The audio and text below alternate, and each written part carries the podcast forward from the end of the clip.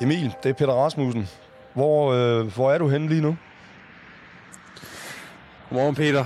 Jeg, jeg står et eller andet sted et par timer inde i Polen og kigger ud over sådan en frostklar mark på en tankstation med min bil fyldt med ukrainer, der sidder og sover inde i den. Vi er 550 km fra grænsen til Ukraine. Still going strong. Ja, men I skulle vel have været længere på nuværende tidspunkt. Det lyder som om, I er blevet forsinket. Hvad, hvad sker der? Jamen, det er sådan lidt en blanding af, at øh, vi jo kører herned i en Tesla, som skal lade hver gang, vi har kørt 300 km, og som i øvrigt nærmest ikke kan trække det, den har med af mandskab og udstyr i, i bilen. Og så har vi en Citroen Sancha fra 98, som har bimlet og bamlet det meste af natten i instrumentbrættet, fordi at, øh, ja, vi ved ikke rigtig hvorfor. Vi har sådan set valgt bare at ignorere det og køre videre.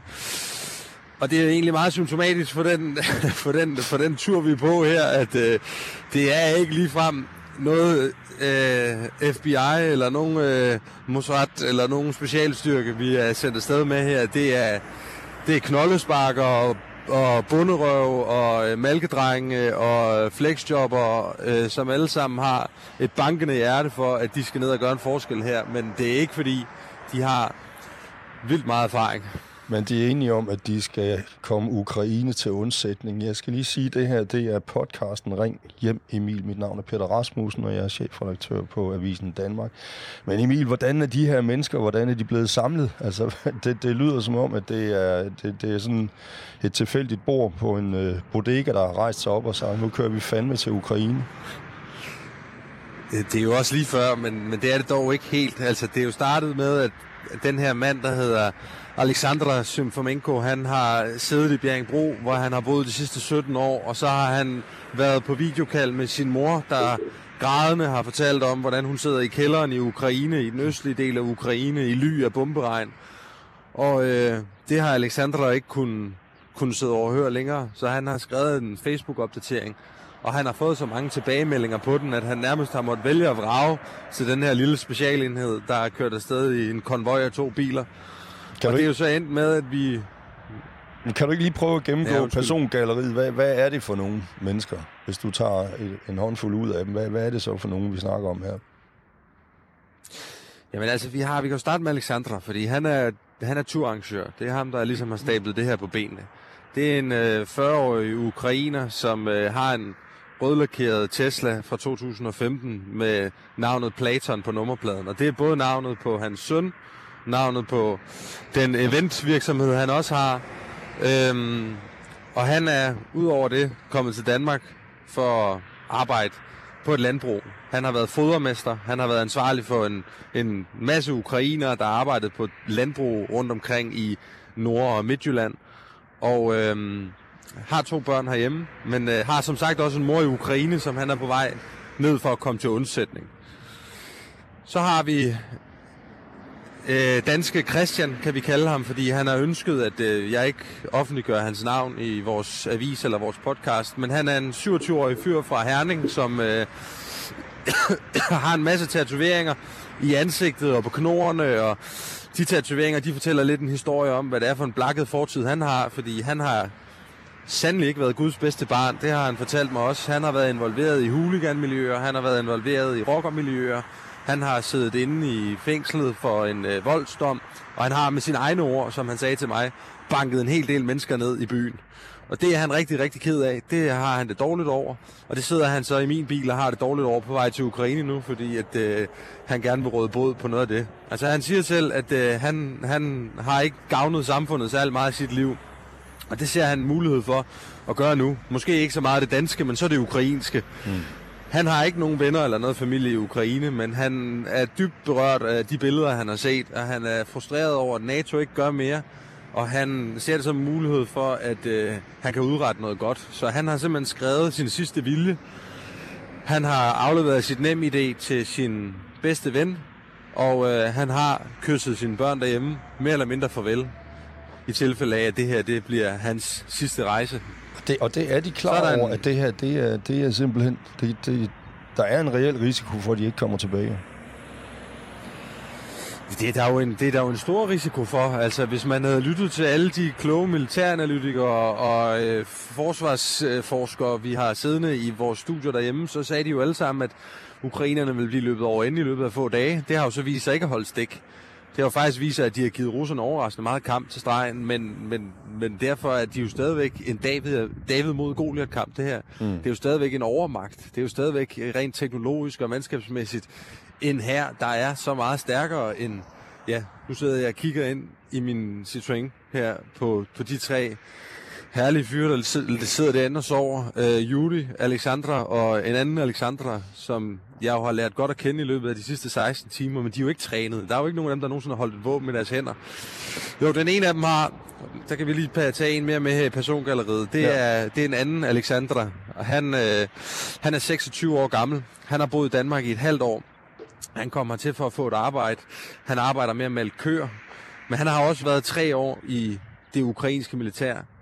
Han har en søn, han har en kone, han har en familie, der alle sammen bor i Ukraine. Mm.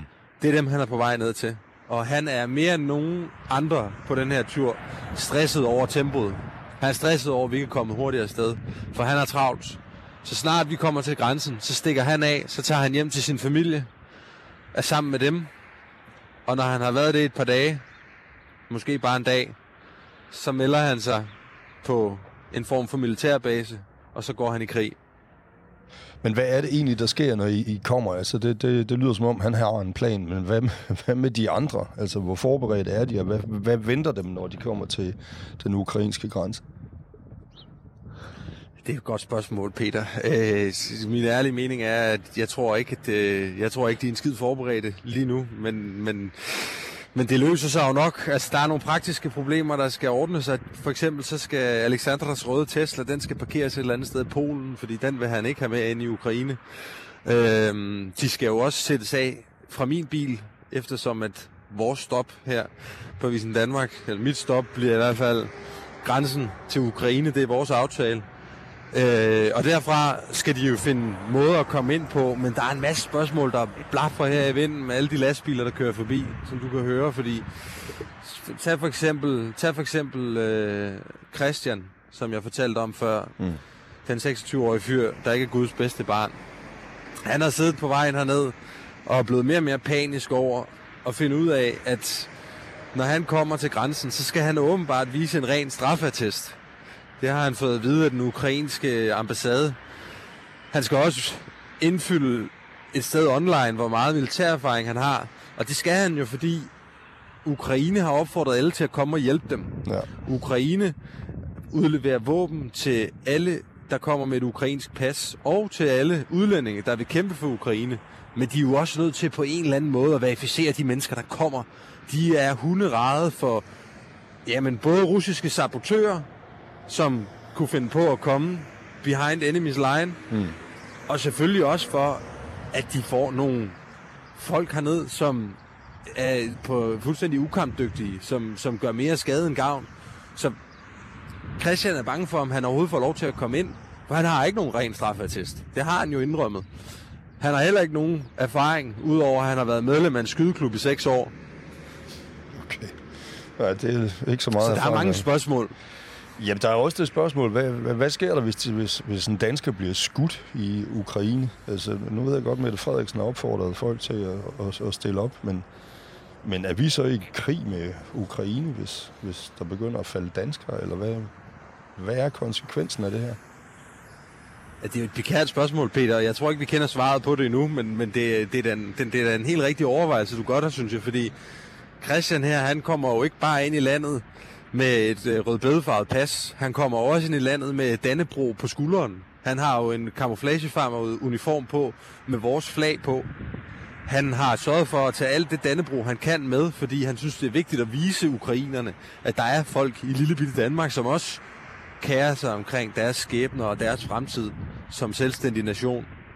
Men det betyder jo også, at han på en eller anden måde hiver Danmark med ind i den her konflikt endnu mere, end vi allerede er.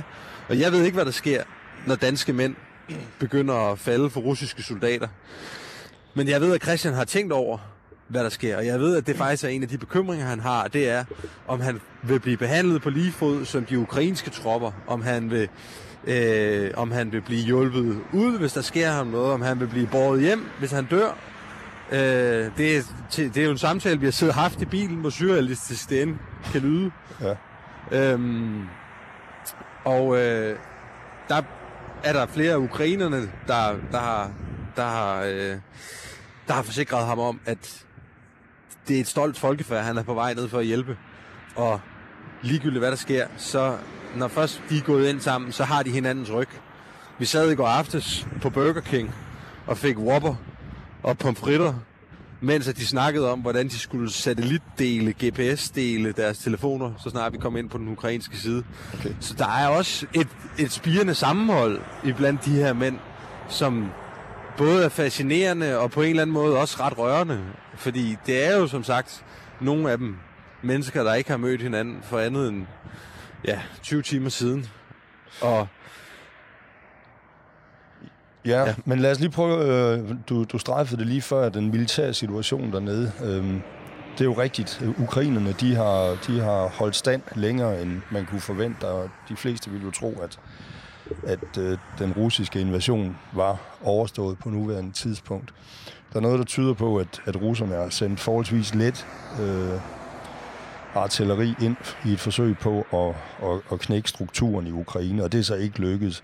Men man må forvente, at nu kommer det tunge artilleri, og det tunge skyts bliver hentet frem, og, og vi har jo begge to hørt om den her konvoj, der er åbenbart 63 km lang, der er på vej ind mod Ukraine.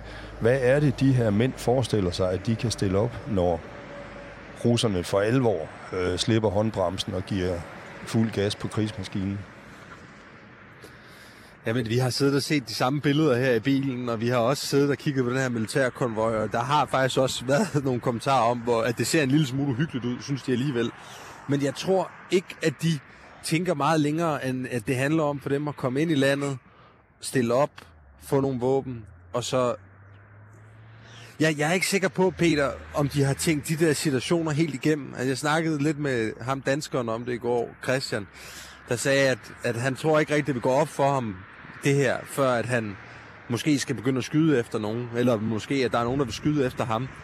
Jeg tror for dem, der handler det bare om den signalværdi, det er over for deres fædreland, over for Ukraine, over for dem selv, at de kommer og stiller op. Og det er jo også det, som der er nogen, der har fremhævet rent faktisk af Ukraines chance. Altså, forstå mig ret, ikke de otte mænd, som jeg har kørt herned med alene, øh, fordi det tror jeg alligevel ikke på, men, men det samsurium af folk, der kommer fra alle mulige steder, og af civile ukrainer ikke mindst. Vi ser jo lige nu også billeder af folk, der heller aldrig nogensinde har studeret andet end filosofi måske, som mm. sidder og træner sig i at bruge våben, øh, og fremstiller molotov-cocktails. Øh, og det er jo også nogle af de videoer, som, som vi sidder og ser på vejen her i bilen. Altså det meste af turen, der, der er der enten øh, skudsalver, eller øh, barnegråd, eller kvindeskrig, der kommer fra deres mobiltelefoner, fordi de bare sidder og kigger på den her strøm af videoer Ja. på WhatsApp, på Telegram, på andre sociale medier. Og de ser jo også civile ukrainer, som for eksempel sad vi og så en video lige før, af nogle kvinder, som løb forbi en russisk tank og smed molotov-cocktails på dem, sådan så de gik op i flammer. Og det er jo også noget, som giver kampgejst. Og på samme måde tror jeg, at de håber på, de her mænd, at det, at de kommer uden erfaring, uden nogen som helst forudsætning for, hvorfor de skulle kunne gå i krig, men alligevel gør det, er noget, der giver dem kampgejst. Fordi ukrainerne har allerede vist på nuværende tidspunkt, at de har holdt stand i længere tid, end man havde regnet med. Og det er jo nok fordi, at de har alt at kæmpe for. Mens at, uden at jeg skal gøre mig til den helt store krigsekspert eller psykolog på russernes vegne, så kunne man forestille sig, at der er nogle af de russiske mænd, der render rundt med hjelme på, som måske er mindre klar over, hvad det egentlig er, de kæmper for. Ja, det kunne man jo det kunne man sagtens forestille sig i hvert fald. Men at der er jo også, altså det kan jo godt være, at det ligner øh, Skipper Clemens bunde her, der er ved at samle sig i Ukraine, men det er jo svært ikke at have en voldsom sympati for de her folk, der trods alt øh, rejser sig op, når nu NATO ikke gør det, øh, og gør noget ved det, uanset hvor, hvor hjælpeløst det så ser ud, når de skal transportere sig derned i en Tesla, der skal lades op for hver 300 kilometer. Ja, og netop den respekt og sympati, vi alle sammen har for det, Peter, det er jo også en del af forklaringen på, at det her handler jo også, det handler jo også om dem selv. Altså, det, det er nok for tidligt, at vi også begynder at, at, at smide dem op på skranken her, og øh, fortælle om deres barndom og øh, lege psykolog over for dem, men jeg kan jo allerede godt mærke på dem, at det er jo ikke, det er jo ikke nogen, der har haft helt vildt meget tur i de ting, de har haft gang i ellers. Og det er ikke nogen, som måske har helt vildt meget. Jo, de har, de har, de har familie alle sammen, de har arbejdet, mange af dem, men der er altså også mange af dem, som, som netop har muligheden for at kan tage afsted. Mm. Og netop også føler stoltheden over at tage afsted. Og, og, og føler anerkendelsen over. Altså, vi sad også og snakkede om på et andet Burger King stop. Der, det har været sådan en lang Tesla-opladnings Burger Kings rejse herned. Der sad vi og snakkede om, at øh, de følte jo for to uger siden, var der ikke en kæft, der vidste, hvad Ukraine var. Altså, det begrænsede sig måske til, at der var en del, der vidste, at fodboldspilleren Shevchenko kommer fra Ukraine, og så havde de måske ja, ikke hørt så meget om mere end det. Og nu, nu ved vi alle sammen, hvem Ukraines præsident er. Nu ja. er hele verden i benovelse over, hvor, hvor tapper han er, og det er jo, det er jo også det, som, som fylder dem med, med styrke og stolthed til at begive sig ud på den her håbløse mission. Men Emil, I er jo stadigvæk på vej. Hvad, hvad, hvad kan vi forvente os øh, sådan redaktionelt af den her tur fra nu af? Ja, men lige nu sidder vi og venter på en resteplads på, at vores anden, den anden del af vores konvoj, den røde Tesla, den kommer susende her i løbet af en halv times tid, regner vi med. Den må vi jo vente lidt på, fordi den skal lade i tid og utid. Så kommer den her, og så skal vi lige øh, slappe lidt af, tror jeg, inden at øh, vi skal køre de sidste 550 km til den ukrainske grænse. Og jeg tænker, at øh, det, det, det vi kan gøre nu, det er, at jeg kan blive ved med at rapportere til dig, og så kan jeg øh, måske zoome ind på nogle flere af de personer, som er, øh, altså historierne i historierne. Der er en anden dansker med på den her tur, som jeg ikke har fået snakket så meget med endnu. Ham kunne vi også godt prøve at præsentere for, øh, for vores lyttere og vores læsere. Ja. Og ellers så, så handler det jo bare om for mig at være med til så meget og så længe som, som overhovedet muligt. Altså, vi har jo en grænse, og det er grænsen. Ja. Fordi at, øh, jeg er ikke krigskorrespondent, og det er ikke, det er ikke planen, at, øh, at jeg skal følge dem ind der. Og det er jo også point of no return øh, for, for, for, for de fleste af dem, for ukrainerne kommer ikke ud igen. Og for folk, der ikke er ukrainere, kan det også være ret svært at komme ud igen. Så ja. jeg tænker, at det handler om at følge dem, følge dem til dørs, hvis man kan sige det sådan. Og så, øhm, ja. Og så slipper så vi jo simpelthen holde kontakt og... med nogle af dem. Ja. Ja, det kan vi vel godt. Man kan jo godt ringe Jamen, det er altså... ind, eller hvordan? Ja, det kan man jo i teorien godt, men det er jo svært at planlægge, det er jo svært at regne med noget. Altså, jeg har snakket med flere af dem om, at vi gerne vil blive ved med at holde kontakten, og der er en af ukrainerne, som jeg følges med hernede, som ikke skal ind i landet. Han er gode venner med flere af dem, der skal. Hans egen bror er inde i landet også nu og er i krig, men han, han har ikke planer om at krydse grænsen, fordi at han, hans familie kan ikke undvære ham derhjemme, øh, føler han. Og han, han, øh, han, vil, han vil blive i grænseområdet og lave humanitær nødhjælpsarbejde. Så ham, ham bliver jeg ved med at, at, at læne mig op af, fordi at dels har han kontakterne til alle de andre, og dels så kan han også både tale polsk, ukrainsk og russisk, okay. hvilket jo er Kæmpe en fordel ja. i det område, vi er på vej ud i. Øhm, så jeg tænker, vi må prøve at holde kontakten til de her gutter. Det har jeg da i hvert fald lyst til, fordi at det, det er jo også svært personligt ikke at komme til at knytte sig en lille smule til de her mænd, man kører ned i krig. Jamen Emil, jeg, jeg det, tror, at vi skal lade det være... også bare lige ja, slutte af med at sige, øh, fordi jeg ved ikke, om vi når at lave en podcast mere inden øh, afskeden med dem, men nu fik jeg kaldt det en håbløs mission før. Men man er jo også nødt til bare på en eller anden måde at bøje sig i støvet over, at at de begiver sig ud på det. Øhm, så vi må følge dem til dørs, følge dem så længe vi kan, og så øh, må vi jo bare bede til de højere magter om, at, øh, at de klarer den, alle de her mænd. Ja, præcis. Emil, øh, lad os runde af for nu. Øh, jeg, øh, nej, du ringer tilbage, når øh, du når grænseområdet, og så kan vi lave en, en podcast mere derfra. Det her, det var Ring hjem Emil øh, fra en motorvej, lyder det grandgiveligt som om i Polen. Emil, god tur, og alt held og lykke til de helt vildt modige mænd, du er sammen med. Tak, Peter. Jeg ringer hjem.